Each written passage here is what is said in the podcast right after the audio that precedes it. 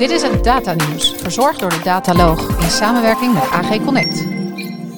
Het is 14 april en dit is het Data Nieuws in samenwerking met AG Connect. Ik ben Walter van der Scheer en bij mij aangeschoven is niet Jasper Bakker, maar Rian van Heur, Content Director bij AG Connect. Wat leuk! Hoi Walter, ja, ik ben er. Niet Jasper. Niet Jasper, maar ik vind het super leuk om met jou deze uitzending te gaan doen. Ja, ik ook. Ergens in de begintijd uh, van het datanieuws uh, spraken we al met elkaar. Toen is Jasper eigenlijk de eer heeft hij gekregen om uh, het datanieuws te doen vanuit AG Connect. Maar ik vind het super leuk om jou hier te hebben nu. Leuk om het zo te doen, ja. En we hebben heel wat nieuws voorbereid. Dus zullen we maar gelijk erin duiken? Ja, dat is helemaal goed. Dan beginnen we met het, het goede nieuws uit Nederland. Goed nieuws uit Nederland en omstreken. Want het goede nieuws is dat het uh, demissionaire kabinet 4 miljard euro uit het Nationaal Groeifonds, ook wel bekend als het Wopke Wiebesfonds, uh, heeft verdeeld over 10 voorstellen. En er ging ook best wel wat van het geld naar fysieke infrastructuur, maar ook best wel veel naar IT. En het gaat dan naar bijvoorbeeld quantum computing, AI, data en de zorg en naar toekomstbestendig onderwijs. Ja, een, enorm bedrag. Uh, dat is verdeeld over verschillende initiatieven. Zo gaat er 615 miljoen euro uh, naar het Quantum Delta NL project. Uh, dit programma richt zich op het versterken van het Nederlandse quantum ecosysteem en investeert in quantum computing, quantum netwerken en quantum sensing. De commissie die het geld toekende zegt te geloven in de grote strategische kansen van quantum technologie en uh, ze zijn ook enthousiast over de voorgestelde aanpak. Ja, en dan ging er natuurlijk ook nog een fikse bijdrage naar AI-net, namelijk zo'n 276 miljoen euro. En dit investeringsprogramma beoogt het potentieel van kunstmatige intelligentie voor de Nederlandse economie en samenleving te benutten. En het wil de bestaande knelpunten aanpakken. Het heeft daar twaalf instrumenten voor. En de commissie adviseert om te starten met vier van die instrumenten. En dat zijn de ELSA Labs, dat zijn de Ethical Legal Social Labs. En dat is voor het aanjagen van de ontwikkeling en het gebruik van mensgerichte AI-toepassingen. Het AI-talentprogramma en de Europese kennisnetwerken en de Europese innovatieinstrumenten. Ja, en uh, onze vrienden van de show, de Nationale AI-coalitie, die uh, heeft het voorstel ingediend. En die zijn vanzelfsprekend ook blij met uh, de toekenning van dit budget. Dus de manager van de coalitie, Kees van der Klauw, die geeft aan heel erg blij te zijn met het bericht dat het AI-netprogramma is voorgedragen door de adviescommissie. En dat die fase 1 van het programma in belangrijke mate is gehonoreerd door de ministerraad. Dus hij sluit af met een uitstekend resultaat. En uh, ja, dat zou ik ook zeggen als ik hem was, inderdaad. Ja, terecht dat hij blij is. En daarnaast gaat er ook nog een deel naar ICT en digitalisering in het onderwijs. Het gaat naar het voorstel transitie naar innovatief en toekomstbestendig onderwijs. En om het voorstel uit te voeren wordt er onder andere subsidie verleend aan onderwijsinstellingen om de inzet van digitale leer- en hulpmiddelen te versnellen. En het doel is om met investeringen in digitale leer- en hulpmiddelen en IT de kwaliteit van het onderwijs te verhogen. En dit voorstel krijgt dus 80 miljoen voorwaardelijk en dan nog een reservering van 63 miljoen. Ja, maar als er zoveel geld naar het onderwijs gaat, dan uh, moet er ook wat naar de zorg, toch Jan? Ja, dat vind ik ook. Krijgen die wat? Ja, zeker, zeker. Die blijven niet achter. Uh, het voorstel Health AI krijgt maximaal 69 miljoen euro. Uh, en dat voorstel heeft dan weer tot doel om de innovatie in de life sciences en de health sector te stimuleren. En dat gaan ze doen door data van Nederlandse ziekenhuizen en zorgorganisaties, maar ook van kennisinstellingen, organisaties in de publieke gezondheid, patiëntenorganisaties, gezondheidsfondsen en ook bedrijven te standaardiseren en met elkaar uh, te verbinden. Ja, we blijven de zorghoek, want als je data met elkaar uitwisselt, moet je wel begrijpen wat je tegen elkaar zegt. En uh, daartoe heeft het Zorgexpertisecentrum NICTUS in opdracht van VWS 265.000 medische begrippen vertaald uh, uit het internationale technologiestelsel SNOMED. Uh, en die termen zijn hierbij gecodeerd zodat een computer ze kan verwerken. En daarmee is een belangrijke stap gezet naar een eenheid van taal. En dat is de situatie waarbij zorgverleners, patiënten en computers uitgaan van dezelfde betekenis van een begrip. Ja, het Snowmed wordt beheerd door Snowmed International. En dat is een non-profit organisatie waarvan Nederland een van de grondleggers is. Maar inmiddels zijn er 36 landen lid van deze organisatie. En NICTIS is in ons land verantwoordelijk voor het beheer van de Nederlandse versie. De terminologie van SNOMED is gekoppeld aan de nationale standaarden. En denk daarbij aan tabellen met medische termen die de Nederlandse huisartsen gebruiken. Maar er zijn ook patiëntvriendelijke termen toegevoegd, zodat jij en ik als patiënt uiteindelijk ook begrijpen wat ons mankeert. Ja, had je een voorbeeld, uh, Walter? Ja, bijvoorbeeld jij uh, hebt last uh, van je gewrichten en je gaat daarmee naar de arts. En dan zal de specialist tegen jou zeggen, ja, uh, meneer Van der Scheer, u heeft bacteriële artritis. Ja, dat, uh, zoiets hoorde ik ook al bij de huisarts, maar dan net wat anders. Het was septische artritis. Dus ik begin me nu toch wel zorgen te maken. Maar in dit initiatief zou mij gebeld worden dat het ontsteking is van het gewricht met als oorzaak een bacterie. En zelfs dan ook nog vanuit Europa hoor je dat. Dus als je bij een Europese arts komt, wordt het dan toch vertaald naar het Nederlands. En dan is ook de bedoeling om na die vertaling de volgende stap is om SNOMED vaker te laten integreren met medische systemen. En zo kan dus eenduidig worden vastgelegd en uh, uitgewisseld. En hierbij uh, biedt ook de onlangs gelanceerde nationale terminologie server van Nictus uitkomst. En daarmee kunnen systemen zonder extra inspanning gebruik maken van meer internationale terminologieën en klassificaties. En deze server moet het bovendien eenvoudiger maken om geregistreerde gegevens te delen en te hergebruiken. En Nictus maakt die voor gebruik van een aantal servers van een Australische partner, eh, een overheidsorganisatie. Uh, en zo uh, moet die server softwareleveranciers helpen bij het up-to-date houden van die nationale terminologie content, zoals SNOMED en de Nederlandse labcode set. Zijn we er dan met de zorgberichten van deze week? In principe wel, maar ik kwam er een tegen en dat ging over de Google Glass. Dus die wilde ik hier toch nog wel uh, vermelden. Want de Google Glass is terug van, uh, van weg geweest voor mijn gevoel. Er is nu een bedrijf uh, dat heet Envision. Dat is opgericht door twee Indiërs, namelijk Kartik Kanan en Kartik Mahadevan. En uh, die uh, hebben elkaar ontmoet in Delft, waar zij studeerden. En vanuit een start-up uh, programma van Yes Delft zijn zij gestart met een bedrijf. Met een app, wat mensen die blind zijn weer helpt om te zien aan de hand van data en AI. Ja, hartstikke leuk. Zij kregen die inspiratie tijdens een bezoek aan een blindenschool. Uh, en ze vertellen daarover dat ze daar naartoe gingen om te vertellen over het werk als ontwerper en ingenieur. En dat ging over zelfstandig zijn als blinde en dingen kunnen doen. En informatie tot je nemen is dan cruciaal. Informatie op verpakkingen, op borden en op het station, ga zo maar door. En ze zeggen dus het is lastig om dat allemaal te veranderen en toegankelijk te maken voor mensen met een visuele handicap. Dus dan kan je beter jezelf aanpassen. En dat hebben ze dus met dat Envision uh, gedaan, zegt uh. Ja, het is wel stoer hoor. Uh, dus je hebt eigenlijk een, een persoonlijke assistent op je neus. En die kijkt met je mee en die kan je in bepaalde situaties uh, helpen. Zo hebben ze het al bijvoorbeeld over een navigatie-app die je helpt van deur tot deur te komen. Daarmee willen ze niet de blinde geleidehond of de blindenstok uh, per se vervangen. Maar uh, ze willen je echt helpen om die ervaring te optimaliseren. Nou, zou je kunnen denken, er wordt natuurlijk heel veel data van jou over en weer gestuurd. Maar de privacy die is helemaal geborgd. Want de meeste functies van deze Envision app die werken offline. Uh, dus er hoeft geen data naar een server gestuurd te worden. En alles wat je scant wordt ook niet opgeslagen. Maar ze kunnen nog niet 100% offline werken. Omdat de kunstmatige intelligentie daar simpelweg nog niet goed genoeg voor is. En dus dingen die wel opgeslagen worden, die worden verwijderd zodra je de app ook van je device gooit. Ja, en ze hebben inmiddels zo'n 30.000 gebruikers wereldwijd van de app. En de slimme bril sinds oktober vorig jaar op de markt. En daar zijn nu ongeveer zo'n 300 stuks van verkocht.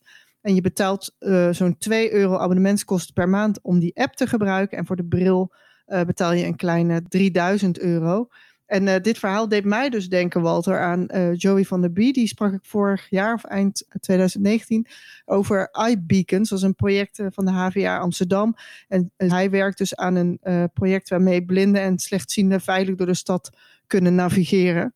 Dus uh, er wordt met technologie toch uh, een hoop uh, geprobeerd om het voor de blinden en slechtzienden iets beter te maken in deze maatschappij. Ja, en met die 3000 euro voor die gepimpte Google Glass, ja, misschien vanaf 2022 dan maar in het basispakket. Nou, wie weet. En we noemden eerder al de quantum computer, de quantum termen die vlogen ons om de oren door al die subsidies die weggegeven worden. Beschikbaar gesteld worden natuurlijk. maar een van de terreinen waar de quantum computer naar verwachting een grote verbetering kan betekenen is kunstmatige intelligentie intelligentie. En IBM heeft aan zijn Qiskit Toolkit een aantal applicatiemodules toegevoegd die het mogelijk gaan maken om uh, zelf met experimenten uit te vinden waar die nieuwe mogelijkheden zitten. Het is een exploratieve tool, een software in de cloud. Je programmeert een set instructies en dat gaat in de queue bij, uh, bij IBM. De accuraatheid van machine learning modellen kan flink omhoog door gebruik te maken van de, de speciale eigenschappen van een quantumcomputer. Zoals bijvoorbeeld het rekenen in hogere dimensionele ruimtes. Ja, en door sommige taken in het proces van machine learning uit te laten voeren door een quantumcomputer kan wel honderdvoudige versnelling worden bereikt. Uh, is de verwachting van het Qiskit-team van IBM. Vooral het trainen van de modellen zou een versnelling grote voordelen kunnen bieden. En de modules zijn voorzien van een uitgebreide set voorbeelden en uitleg om van de mogelijkheden van de toolkit gebruik te kunnen maken. En Qiskit is dus een open source development kit, bedoeld om ontwikkelaars bekend te maken met de mogelijkheden van de quantum computer. Ja, en uh, IBM uh, introduceerde deze toolkit in uh, februari en biedt daarmee toegang tot online gebruik van enkele van zijn quantumcomputers. Zij hebben er nu zo'n stuk of veertig staan en in verschillende generaties. En dan kun je dus als gebruiker al wat dingen proberen met zo'n quantumcomputer en daar wijzer van worden. Ja, het is toch fantastisch hè, dat dat quantum computing zo toch steeds meer binnen bereik gaat, gaat komen. Ja, en ik ben dan wel benieuwd naar uh, ja, wat het gaat doen met het energieverbruik van, uh, van servers. Jazeker, daar hebben we ook een mooi nieuwtje over, toch Walter? Jazeker, zeker. Uh, want het energieprobleem van AI dat is ook opgelost. Dat gaat de biologie namelijk voor ons doen. Het energieverbruik van neurale netwerken reist de pad uit. En ja, mensen zien het hè, als een van de grootste obstakels voor de doorontwikkeling van kunstmatige intelligentie. Nou, neurale netwerken die zijn afgeleid uit de werking van het dierlijk brein. En door opnieuw naar de biologie te kijken, ontstaan nog steeds nieuwe ideeën die leiden tot een betere en efficiëntere werking van hun digitale evenknie. En Sander Boten werkt aan dit onderwerp als senior onderzoeker machine learning bij het CWI. En hij is tevens deeltijd hoogleraar aan de Universiteit van Amsterdam en aan de Rijksuniversiteit Groningen. Waarin vorig jaar had hij een doorbraak toen hij een nieuw algoritme ontwikkelde, samen met onderzoekers van de IMEC Holst Center in Eindhoven voor een zogeheten Spiking Neural Network, oftewel een gepulst neuraal netwerk. Daarin zitten twee verbeteringen waardoor de neuronen in het netwerk minder met elkaar hoeven te communiceren. En bovendien hoeft elk afzonderlijk neuron minder te rekenen. En zo kan kunstmatige intelligentie worden toegepast op apparatuur met beperkte stroomvoorziening. Ja, dat maakt natuurlijk de weg vrij voor nieuwe applicaties. Denk dan aan gebarenherkenning of spraakherkenning op bijvoorbeeld een smartwatch of op een slimme bril. Ja, en neurale netwerken zijn niet nieuw. Die werden al in de jaren 40 van de vorige eeuw uh, ontwikkeld. En maar nu kijken onderzoekers naar concepten waar ze toen naar keken. Daar wordt nu opnieuw naar gekeken om de huidige neurale netwerken efficiënter te maken. In eerste instantie werden die concepten namelijk aan de kant gelegd omdat andere modellen beter te trainen leken te zijn. En nu is er dus door die hoge energiekosten, wat jij al zei, van huidige neurale uh, netwerken wordt er opnieuw aandacht aan die spiking neurale netwerken besteed. Bij de meest gebruikte neurale netwerken, de septrons, steeds allemaal vuren met een constante firing rate, vuren de spiking neuronen veel minder vaak. Ja, het klinkt echt wel ook een beetje als een soort uh, superhelden serie, hè? Het, het afvuren en een spiking neuronen. De toekomst hebben we het nu over. Absoluut. Ja, uh, maar uiteindelijk is het principe simpel. Als je het energiegebruik efficiënter maakt door uh, minder vaak activiteit te hebben, kost het dus ook minder stroom. Nou, in het geval van een spiking neuraal netwerk uh, hoef je alleen nog maar op te tellen. En uitleg van, van Boten erbij. Ja, een optelling die kost ongeveer 30 keer minder energie dan een vermenigvuldiging. En dan doe je dat misschien ook nog eens 100 keer minder vaak. Dus in theorie zou dit kunnen leiden tot een besparing ja, van een factor 30.000. Dat is echt wel substantieel. Maar er is nog wel een uitdaging, namelijk dat het voor het gebruik van spiking neurale netwerken andere hardware nodig is. En Bote zegt daarover, spiking neuronen hebben een, andere, hebben een een of andere toestand. En om die toestand te beschrijven heb je geheugen nodig. En dat geheugen moet heel dicht bij de rekenunit zitten. Want als je die toestand elke keer uit het werkgeheugen moet halen, dan kost dat heel veel energie. Alle elektro-engineers zullen je vertellen dat toegang tot geheugen veruit de meeste energie vergt. Alle andere zaken zijn dan irrelevant. Dus dan kun je denken aan memristors en in memory computer aan de hardware kant. Ja, dat is de hardware kant. Dan heb je ook nog de software kant natuurlijk. En daar is de uitdaging om algoritmen te ontwerpen die kunnen werken met het discontinue karakter van spiking neuronen. Uh, en er moeten leeralgoritmen worden ontwikkeld voor die spiking neuronen die het beste werken als ze heel lokaal op de chip hun werk doen. Nou, op een hoger programmeerniveau is het mogelijk gebruik te maken van de speciale eigenschappen van het pulserende karakter van die neuronen voor bijvoorbeeld tijdregistratie. Nou, voorbeeld uit de biologie. De kerkuil die kan bijvoorbeeld heel precies lokaliseren waar een muis zit op basis van het tijdverschil tussen het signaal dat zijn linker en rechteroor bereikt. En dan gaat het natuurlijk om microseconden die het brein detecteert op basis van twee spikes met een miniem tijdverschil. En dat kan een spiking neuraal netwerk ook. Maar een gewoon neuraal netwerk niet. Dus voor lokalisatie zijn dit soort algoritmes dan ook heel geschikt. Ja, en nu de neuromorfische chips binnen afziende tijd beschikbaar komen, verwacht Boté de eerste toepassingen en allerlei IoT-apparatuur, zoals bijvoorbeeld in fitnessbandjes en smartwatches. Spiking neurale netwerken zijn uitermate geschikt om hartritmes te monitoren. Je kunt dat doen met een chip die vrijwel geen energie verbruikt, zegt hij. Ja, ik vind het wel mooi dat aan de ene kant gaat het om uh, efficiency en aan de andere kant komt ook weer dat uh, al oude IT uh, probleem voorbij, uh, of uitdaging, hè? het opschalen. Uh, want op dit moment uh, werken die spiking neurale netwerken van maximaal enkele duizenden neuronen. Maar ja, het doel is om naar miljoenen of tientallen miljoenen neuronen te gaan en ook meer gewichten te werken, waardoor je meer in de buurt komt van de grote deep learning systemen die nu al in gebruik zijn. Ja, en het energieverbruik is natuurlijk niet het enige uitdaging waar AI nog mee kampt. Het zit ook nog wel in bias. En dat komt niet alleen door slechte trainingsdata. Onderzoekers maken een reeks van keuzes bij het implementeren van een AI-toepassing die discriminatie in de hand werken. Dat blijkt uit onderzoek van wetenschappers van de Amerikaanse Cornell and Brown University. En het zijn dus niet alleen de trainingdatasets die die voordelen in de hand werken. Een van de grootste problemen waar de toepassing van kunstmatige intelligentie op stuit, zijn de onbedoelde vooroordelen die de algoritme binnensluipen. En doorgaans wordt daarbij al snel gewezen op de datasets waarmee het model is getraind. Uh, wanneer groepen over- of ondervertegenwoordigd zijn, zal het model ook geen evenwichtige uitkomst kunnen bieden. Ja, maar die datasets zijn niet de enige oorzaak van die vooringenomenheid van AI-implementaties. Eh, want uit het onderzoek dat is gedaan aan de Cornell and Brown University blijkt dat er ook een probleem is bij de selectie van modellen.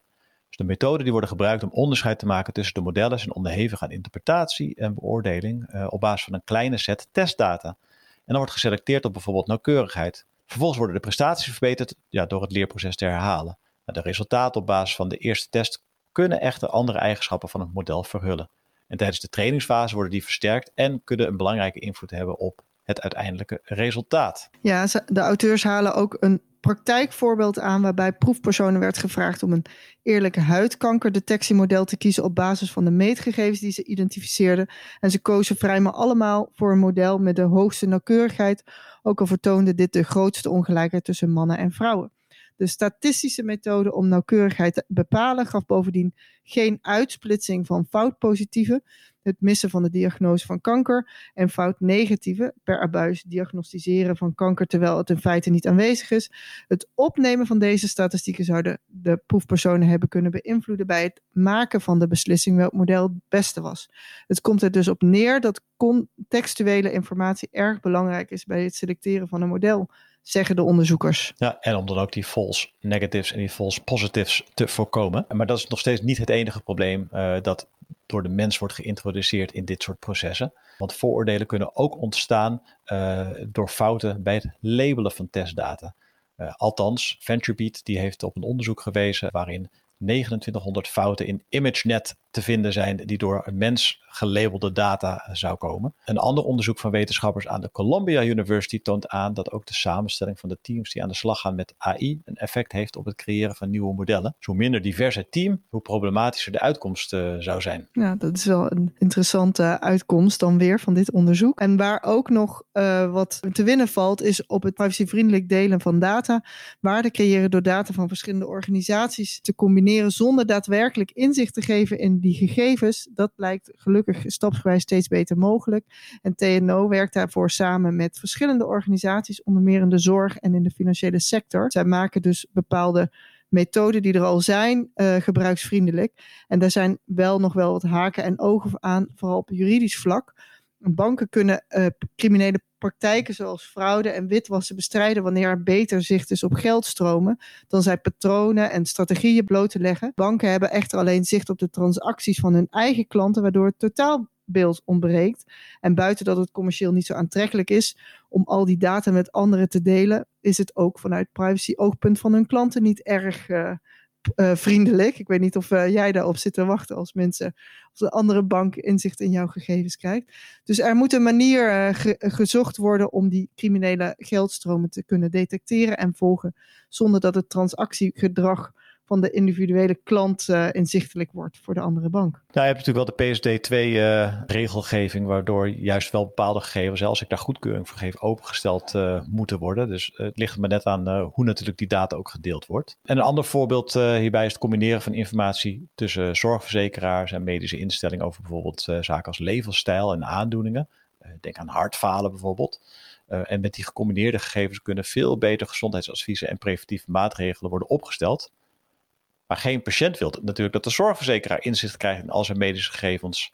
Uh, en al helemaal niet als dat invloed gaat uitoefenen op je premie bijvoorbeeld.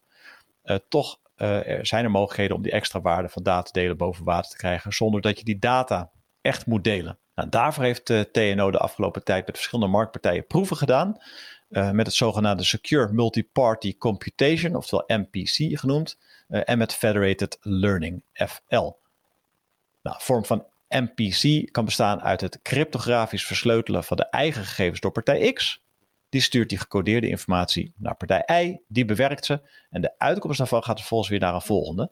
En uiteindelijk komt het resultaat terug bij partij X, die dan met behulp van de cryptografische sleutel het resultaat van alle berekeningen kan ontsleutelen zonder dat duidelijk wordt wat de input van andere deelnemers was. En dan hebben we nog federated learning en dan wordt het model eerst getraind op de data van de eerste partij en het model gaat vervolgens naar een tweede partij die het traint met zijn eigen data, et cetera, et cetera. En deze aanpak valt van toepassing bij het gebruik van zeer grote datasets. Ja, en voor beide technieken zijn verschillende systemen beschikbaar die tot nu toe vooral voor heel specifieke gevallen zijn ontwikkeld. Zo is er bijvoorbeeld al sinds 2009 een dergelijk systeem in gebruik bij suikerbietveilingen. Maar het ontwikkelen van de juiste protocolvorm is nog complex en tijdrovend. Uh, en Daniel Worm, uh, onderzoeker bij eh, TNO, zegt daarover: een van de uitdagingen die er nu liggen, is de protocollen meer vorm geven als bouwblokjes die aan elkaar gekoppeld kunnen worden. En hoewel deze technieken zijn geënt op het beschermen van de privacy, is er nog weinig of geen jurisprudentie over. En daardoor liggen er nog wel wat juridische obstakels op de weg. Ja, de huidige proeven zijn vooral gedaan met synthetische datasets, dus niet werkelijke data. En Barry Vetjens, de director of market bij TNO, verwacht dat de komende vijf tot tien jaar er steeds meer kleine projecten in de dagelijkse praktijk beschikbaar komen. En binnenkort interesseert TNO zelfs een eerste spin-out op dit gebied, een dienstverlener die de nieuwe technologie op commerciële basis verder gaat ontwikkelen. En TNO ziet dan ook toepassingen van de technologie voor nieuwe dienstverlening van de overheid bijvoorbeeld, maar ook voor de ontwikkeling van nieuwe mobiliteit. Uh, en dat zou bijvoorbeeld kunnen gaan in de vorm van mobility as a service of andere nieuwe businessmodellen. Ja, dan door naar het uh, security nieuws. Het data security nieuws.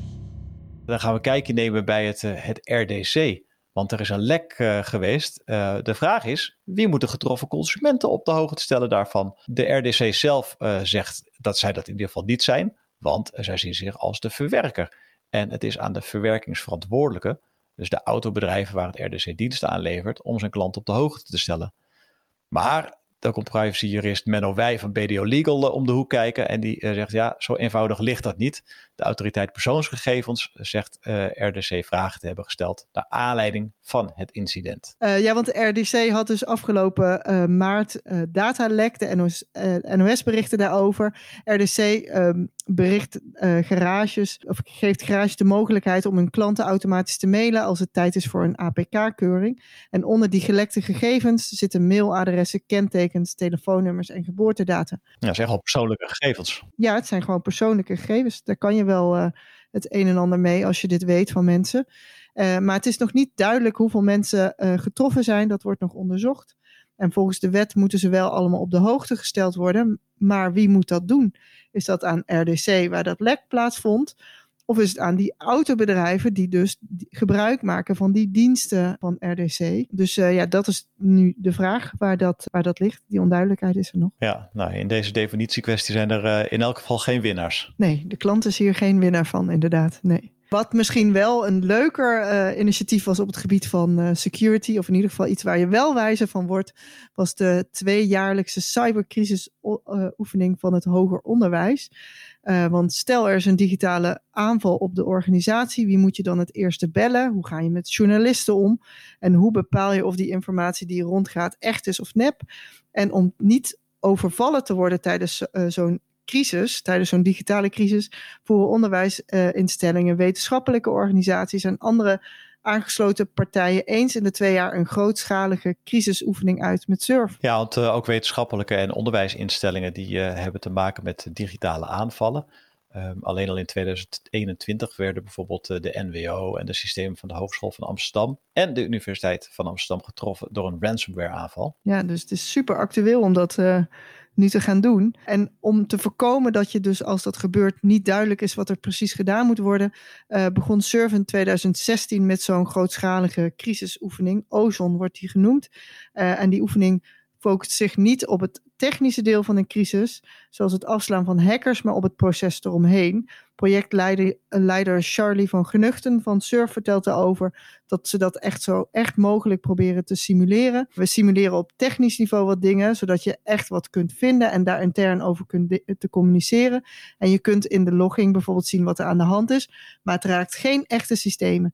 En op communicatieniveau simuleren we nieuwsberichten en journalisten die bellen. En op strategisch niveau behandelen ze kamervragen. Ja, mooie, compleet uh, uitgevoerde oefening zeg. Er wordt ook expres gekozen om de simulatie grootschalig aan te pakken. Uh, want er deden dit jaar maar liefst 65 instellingen mee. Surf zegt erover, en met zo'n grote groep uh, kan je makkelijk een simulatie maken waar heel veel instellingen profijt van hebben. Wie gaat bijvoorbeeld coördineren als meerdere partijen getroffen zijn? En hoe communiceer je? We merken elke keer weer dat je daar veel van leert, zowel voor de coördinatie binnen de eigen instelling als die tusseninstellingen. Dus misschien dat het RDC ook gewoon mee moeten doen aan die oefening, Rian. Ja, wie weet, volgend jaar. Over twee jaar weer, ja.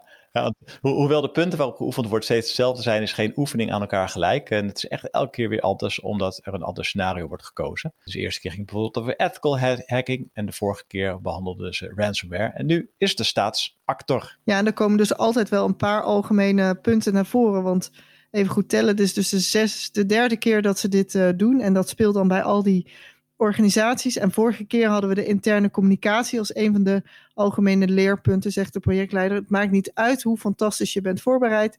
De interne communicatie tijdens een crisis vraagt heel veel aandacht. En we hebben toen vanuit Surf gekeken hoe eh, of we een training konden maken om dat op uh, te lossen.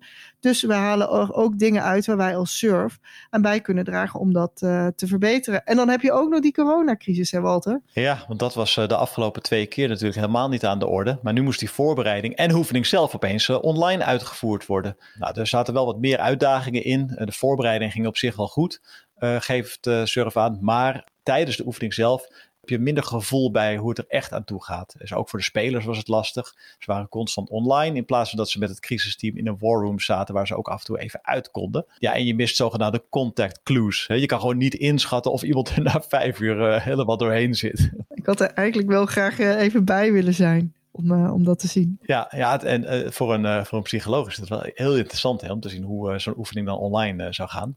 Maar de, de uitkomst voor Surf was in ieder geval positief er is ook wel wat minder positief nieuws. Uh, namelijk het uh, Chinese telecombedrijf Huawei had jaren geleden al onbeperkt toegang tot de gegevens van klanten van Telfort, zonder dat die toegang werd bijgehouden of gemeld. En dat is naar voren gekomen uit een vertrouwelijk onderzoek uh, dat het moederbedrijf van Telfort, KPN, in 2011 naar die situatie deed. En de Volkskrant meldde dat. De krant heeft dat onderzoek ingezien. En het ging volgens KPN om een regulier onderzoek zonder concrete aanleiding. Ja, dus zo vertrouwelijk is dat onderzoek uh, inmiddels niet meer als het uh, ook uh, bij de Volkskrant bekend is. En Huawei had toegang tot klantgegevens van Telfort omdat het Chinese bedrijf de betreffende software zelf gemaakt en aangeleverd had. En Huawei zou vervolgens geregeld informatie over klanten uit het systeem van Telfort kopiëren. Vallend, Daarbij zou geen zogenoemde logging zijn gebruikt, zodat onduidelijk is welke data hoe vaak is bekeken en gekopieerd. KPN heeft na het ontdekken van de praktijken geen nader onderzoek ingesteld. Daarom is niet duidelijk of en hoeveel klantgegevens daadwerkelijk zijn ontvreemd, zeggen bronnen tegen de Volkskrant. Er is ook geen melding gemaakt met toezichthouder, autoriteit persoonsgegevens en de getroffen klanten. Stappen die inmiddels verplicht zijn bij zulke ontdekkingen. Hè, RDC? Ja, want dit was in 2010. Ik weet eigenlijk niet of dat toen ook al uh, verplicht was. Nee, nee, toen nog niet. Nee, hè, toen hadden we die uh, wetgeving ook nog niet. Toen speelde dit alles zich af. Uh, toen Telfort zijn software voor klantbeheer vernieuwde. En die nieuwe uh, klant- en facturatieomgeving die werd dus gebouwd door Huawei. Op de overstap werd toegezien door het Amerikaanse technologiebedrijf HP. En KPN controleerde dat weer. Het is ook wel een ingewikkelde constructie om toezicht op te houden, denk ik. Maar volgens KPN was er ook geen enkele aanleiding om te veronderstellen dat de gegevens van Telfort klanten waren ontvreemd, door wie dan ook. Maar bronnen van de Volkskrant zeggen dat dit zonder nader onderzoek of het bekijken van logbestanden, ja, dat is niet vast te stellen.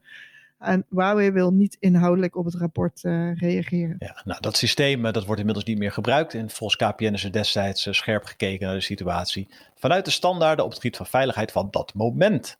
En in 2019 werd KPN al door de AIVD hierover gewaarschuwd. En toen werd gezegd dat het bedrijf via een verborgen achterdeur toegang zou hebben tot de klantgegevens van alle drie de grote telecomproviders in Nederland.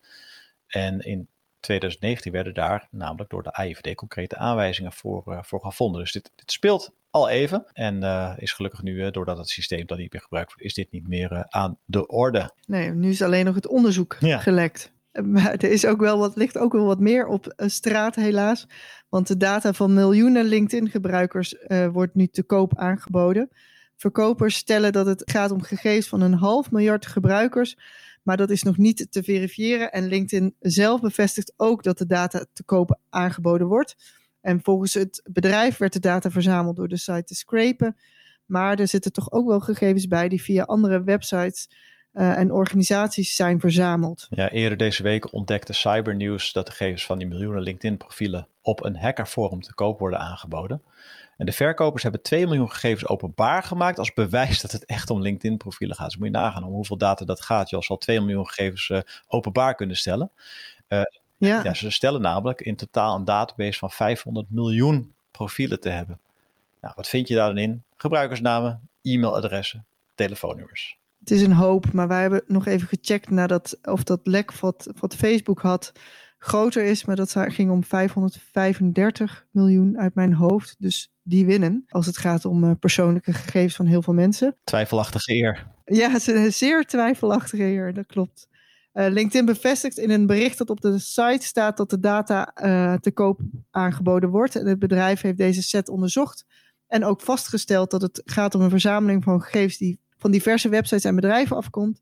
En volgens LinkedIn omvat het publiekelijk beschikbare profielgegevens die van LinkedIn gescraped lijken te zijn. En ze benadrukken dus dat het geen datalek is en dat er ook geen privégegevens van LinkedIn-accounts gehaald zijn. Maar ja, scrapen van data, dat mag je dus echter ook niet. Het gaat tegen de voorwaarden van de website in. LinkedIn zegt erover als iemand data van gebruikers probeert te verzamelen uh, en te gebruiken voor doeleinden waar LinkedIn en in en onze leden niet mee akkoord zijn gegaan, doen we ons best om hen tegen te houden en hen verantwoordelijk te houden. Ja, het is natuurlijk wel een interessante kwestie, hè? want uh, als die data gescraped wordt en het is publiek uh, beschikbare informatie, is het dan inderdaad wel een lek of is het gewoon een diefstal van publieke informatie die dan geaggregeerd is? Uh, eens, ik ben ook wel benieuwd wat uh, een toezichthouder hierover gaat zeggen. De Italiaanse privacy-toezichthouder die heeft inmiddels aangekondigd een onderzoek te starten naar de te koop aangeboden data, al dus uh, Bloomberg. Uh, en volgens de toezichthouder komen er uh, namelijk erg veel LinkedIn-leden uit uh, Italië. Ja, dus zij roepen gebruikers dan ook op om extra te letten op afwijkingen op het profiel of telefoonnummer. en het is ook de tweede keer in de week tijd dat er een grote hoeveelheid gelekte gegevens op het internet wordt aangeboden. Want jij noemde hem al, hè? Facebook. 533 miljoen Facebook-gebruikers. Uh, daar werden gegevens van gratis aangeboden op een uh, hackersforum. En Facebook die zegt, uh, oh ja, die gegevens die komen uit een datalek van 2019, joh, dat is allemaal oude data. en ze gaat ook gebruikers daarom niet persoonlijk op de hoogte stellen van het lek. En of LinkedIn de gebruikers gaat informeren, heeft het bedrijf niet gezegd. Het is wel een dingetje, hè? gebruikers informeren zo als ik kijk naar de items eh, in de, deze uitzending. Ja, maar het gaat ook wel om aantallen hoor. Datalekken zijn momenteel ook wel een dingetje, geloof ik. Laten we naar het uh, cloudnieuws gaan, Rian. Cloudnieuws. Wat hou je wel van, van een, een snoepje op zijn tijd? Zeker. Ik ben een hele grote fan van Maltesers. En ik werd dus ook heel blij van dit nieuws. Want Google Cloud werkt dus samen met Mars, ja, die van de candy bars en dus van de Maltesers, aan AI-gedreven recepten. En dan worden uh, Maltesers, mijn lievelingssnoepjes, uh, uh, op een innovatieve manier verwerkt. En dan een ML-engineer van Google, die ook nog van bakken houdt, Sarah Robinson heeft ze, ging aan de slag met een model getraind met TensorFlow keren als API. Ik weet al wat jij uh, na deze opname gaat doen. jij duikt de keuken in. Want bij Mars zijn ze natuurlijk gek op candy bars, maar zijn ze ook gek op digitaal experimenteren. Want ze vinden het gewoon heel mooi om ja, zo snel met nieuwe zaken te komen en recepten te ontwikkelen. Dus, en daarvoor werken ze nu dan samen met, met Google. Uh, ze hebben lang gezocht naar manieren om consumenten in contact te brengen met favoriete merken. En uh, nu door samen te werken met het Cloud AI team hebben ze ja, weer een, een nieuwe weg ontdekt om uh, meer creatieve kookmomenten thuis te inspireren. Ja, ik ben wel heel benieuwd wat voor recepten hier uitkomen. Nou, als ik hem volgende keer aansluit, zal, ik het, zal ik het delen. Ben ik benieuwd naar je ervaring hiermee. Ja, of het een beetje hout snijdt, zo'n AI-recept. Um, en dan is er ook nog ander um, cloud nieuws, uh, namelijk weer over uh, Gaia X. Nou ja, goed, Gaia X gaat ondertussen stug door. Ze hebben nu 212 nieuwe leden geaccepteerd in de European Data and Cloud Association. en um, zij gaan werken aan een eigen compliance label voor diensten en producten die voldoen aan de principes van het project. Het label kan uitgegeven worden aan leden van het initiatief, maar ook aan niet-leden. Uh, en lid zijn van Gaia X Association betekent niet dat de diensten van een bedrijf uh, voldoen aan de eisen, zegt de organisatie van Gaia X. Ik weet niet of je nog weet wat Gaia X is. Volgens mij hebben jullie het in deze podcast daar wel geregeld over. Ja, we hebben het uh, hier vaker over gehad. Maar het, het is inderdaad een data-infrastructuurproject. Gestart in 2019 in Duitsland en Frankrijk met het doel om een Europese cloud eigenlijk te creëren. Uh, en ja, dat standaardiseren, dat is ook wel iets wat nu uh, ook in deze aflevering alweer wat vaker teruggekomen is. Hè? Als zoveel partijen gaan samenwerken, moet je op de een of andere manier toch bepaalde afspraken met elkaar maken. En het bestuur van Gaia X heeft nu aangekondigd dat er een speciaal label komt voor producten en diensten die zich aan de principes houden van Gaia X. En oplossingen die dat label mogen dragen, die bieden bijvoorbeeld de mogelijkheid om gemakkelijk data van de ene naar de andere dienst te verhuizen. Uh, zonder dat het allemaal geencrypt uh, moet worden. Zoals we eerder uh, bij de medische data bijvoorbeeld zagen. Geven duidelijke transparantie over het gebruik van gegevens en regelgeving en een sterke beveiliging. Dat lijkt me allemaal heel mooi. En die oplossingen voldoen ook nog eens aan de Europese wet. Ja, en daarnaast kondigde de Raad van Bestuur aan. Ik zei het al, dat er 212 nieuwe bedrijven dus lid zijn geworden bij Gaia X. 40% van die nieuwe leden komt uit de cloud sector of is een technische leverancier. 36% bestaat uit non-profits of wetenschappelijke organisatie. Een kwart is uh, start-ups en 92% van de leden komt uit Europa. Ja, en om welke bedrijven het precies gaat, dat heeft GaiaX niet bekendgemaakt. Uh, maar onder meer AWS, Amazon Web Services, zegt nu lid te zijn van het uh, project. Uh, en uh, we hebben ook nog eens even gekeken naar de Volkskrant. En die meldt het ook bedrijven als Huawei, daar heb je ze weer, IBM, HP en Fujitsu lid zijn geworden.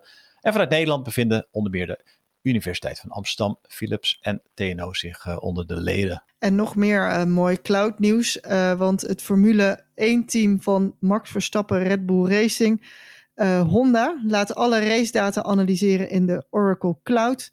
Met machine learning en data-analyse in de cloud kunnen de gegevens uit de bolide van Max leiden tot betere prestaties.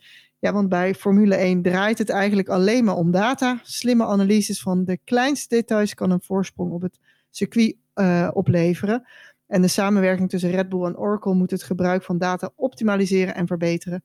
En dan is AI natuurlijk een belangrijke uh, ja, factor daarin om dat allemaal goed te kunnen analyseren. Ja, het raceteam verwacht met de technologie ook nieuwe inzichten tijdens de ontwerp- en de bouwactiviteiten te krijgen. En een groot deel daarvan vindt plaats op de Red Bull Technology Campus in het Engelse Milton Keynes. En bovendien mikt het team op verdere versterking van de banden met de fans. En daartoe gaat het Formule 1-bedrijf gebruik maken van de applicaties van Oracle voor customer experience, bijvoorbeeld voor het voor fans inzichtelijker maken van statistieken. En dat doet mij weer denken aan de opname die wij begin vorig jaar maakten met AWS over de Formule 1, die dan op Formule 1 niveau al die data verzamelt en als insights direct in de wedstrijd uh, laat zien. Dus ook hier uh, buiten het circuit is ook de strijd om de data hier flink gaande. Ik kan me herinneren, want daar heb ik volgens mij ook over geschreven, dat AWS niet alleen de data voor de races visualiseert, maar ook berekeningen maakt over die uh, nieuwe auto's die nu op het circuit uh, racen.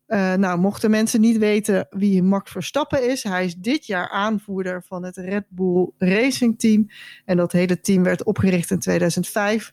En hij doet het best wel goed, want tot eind 2020 behaalde het team 64 overwinningen en 183 podiumplaatsen. Ik ben ooit bij die Red Bull Racing fabriek geweest. En dat is een enorme gang met heel veel prijzen. En die was bijna vol. Misschien dit jaar nog wel nice. uh, meer. Want ze hebben de werelds snelste pitstop ploeg. En, en, met een Guinness World of Record voor het verwisselen van vier banden in slechts 1,82 seconden. Lukt je dat? Nee, dat uh, gaat mij uh, zeker niet lukken. Ik heb niet zo'n uh, pitstopploeg hier in huis. Maar het is wel mooi hoe daar ook die evolutie in zit. Als je daar filmpjes kijkt van nou, tientallen jaren terug, dan duurde dat gerust een kwartier om even de bandjes te wisselen. Dan stapte de coureur ook nog even uit. ja, andere tijden. Over andere tijden gesproken zijn bij het laatste blokje van ons datanieuws gekomen. Dus de data-uit-agenda. De data-agenda voor de komende maand. En we zitten nog steeds in andere uh, tijden. Nog geen field lab experimenten met uh, data-uitjes. Maar heb jij nog iets meegenomen, Rian? Wij doen ook experimenten, maar niet fysiek, maar digitaal. Want ook wij zoeken naar nieuwe digitale evenementen. En wij gaan dus daarom een security game doen. Het is een online escape room, 22 april. Een combinatie van game-elementen waarmee je met een team door het evenement heen loopt en tussendoor ook nog wat inhoudelijke sessies uh, luistert. Uh, 22 april dus en securitygame.nl kun je meer informatie vinden. Super cool, nou hartstikke goed. En daarmee zijn we aan het einde gekomen van uh, deze data nieuws uitzending. Rian, hartstikke leuk dat je erbij was. wat vond je er zelf van? Ja, ik vond het leuk om erbij te zijn. Ik hoop dat je er met plezier naar hebt geluisterd. En ik hoor je graag weer bij de volgende. Bedankt voor het luisteren naar deze uitzending van de Dataloog. Vond je onze podcast leuk, goed, interessant of wellicht te veel ene en nullen? Laat een review achter of geef thumbs up. Heb je vragen of opmerkingen? Kijk dan ook eens op www.dedataloog.nl. Hier staan ook de show notes van alle uitzendingen. Je vindt onze nieuwe uitzendingen wekelijks op iTunes, Stitcher, Spotify en alle andere bekende podcastplatforms. Alles wat wij maken doen we onder Creative Commons. Je mag alles hergebruiken voor niet-commerciële doeleinden, zolang je ons als bron maar noemt. Volg ons op Twitter op @dedataloog. Graag tot de volgende keer. En voor nu, tot data!